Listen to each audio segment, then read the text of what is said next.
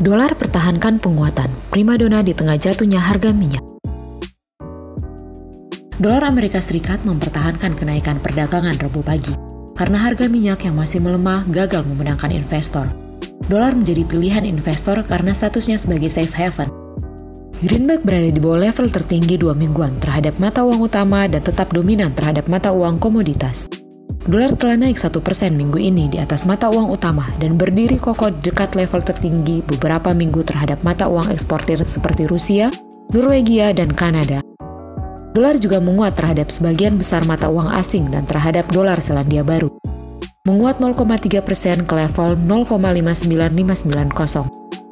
Setelah Gubernur RBNC pada hari Selasa kembali meningkatkan prospek suku bunga negatif.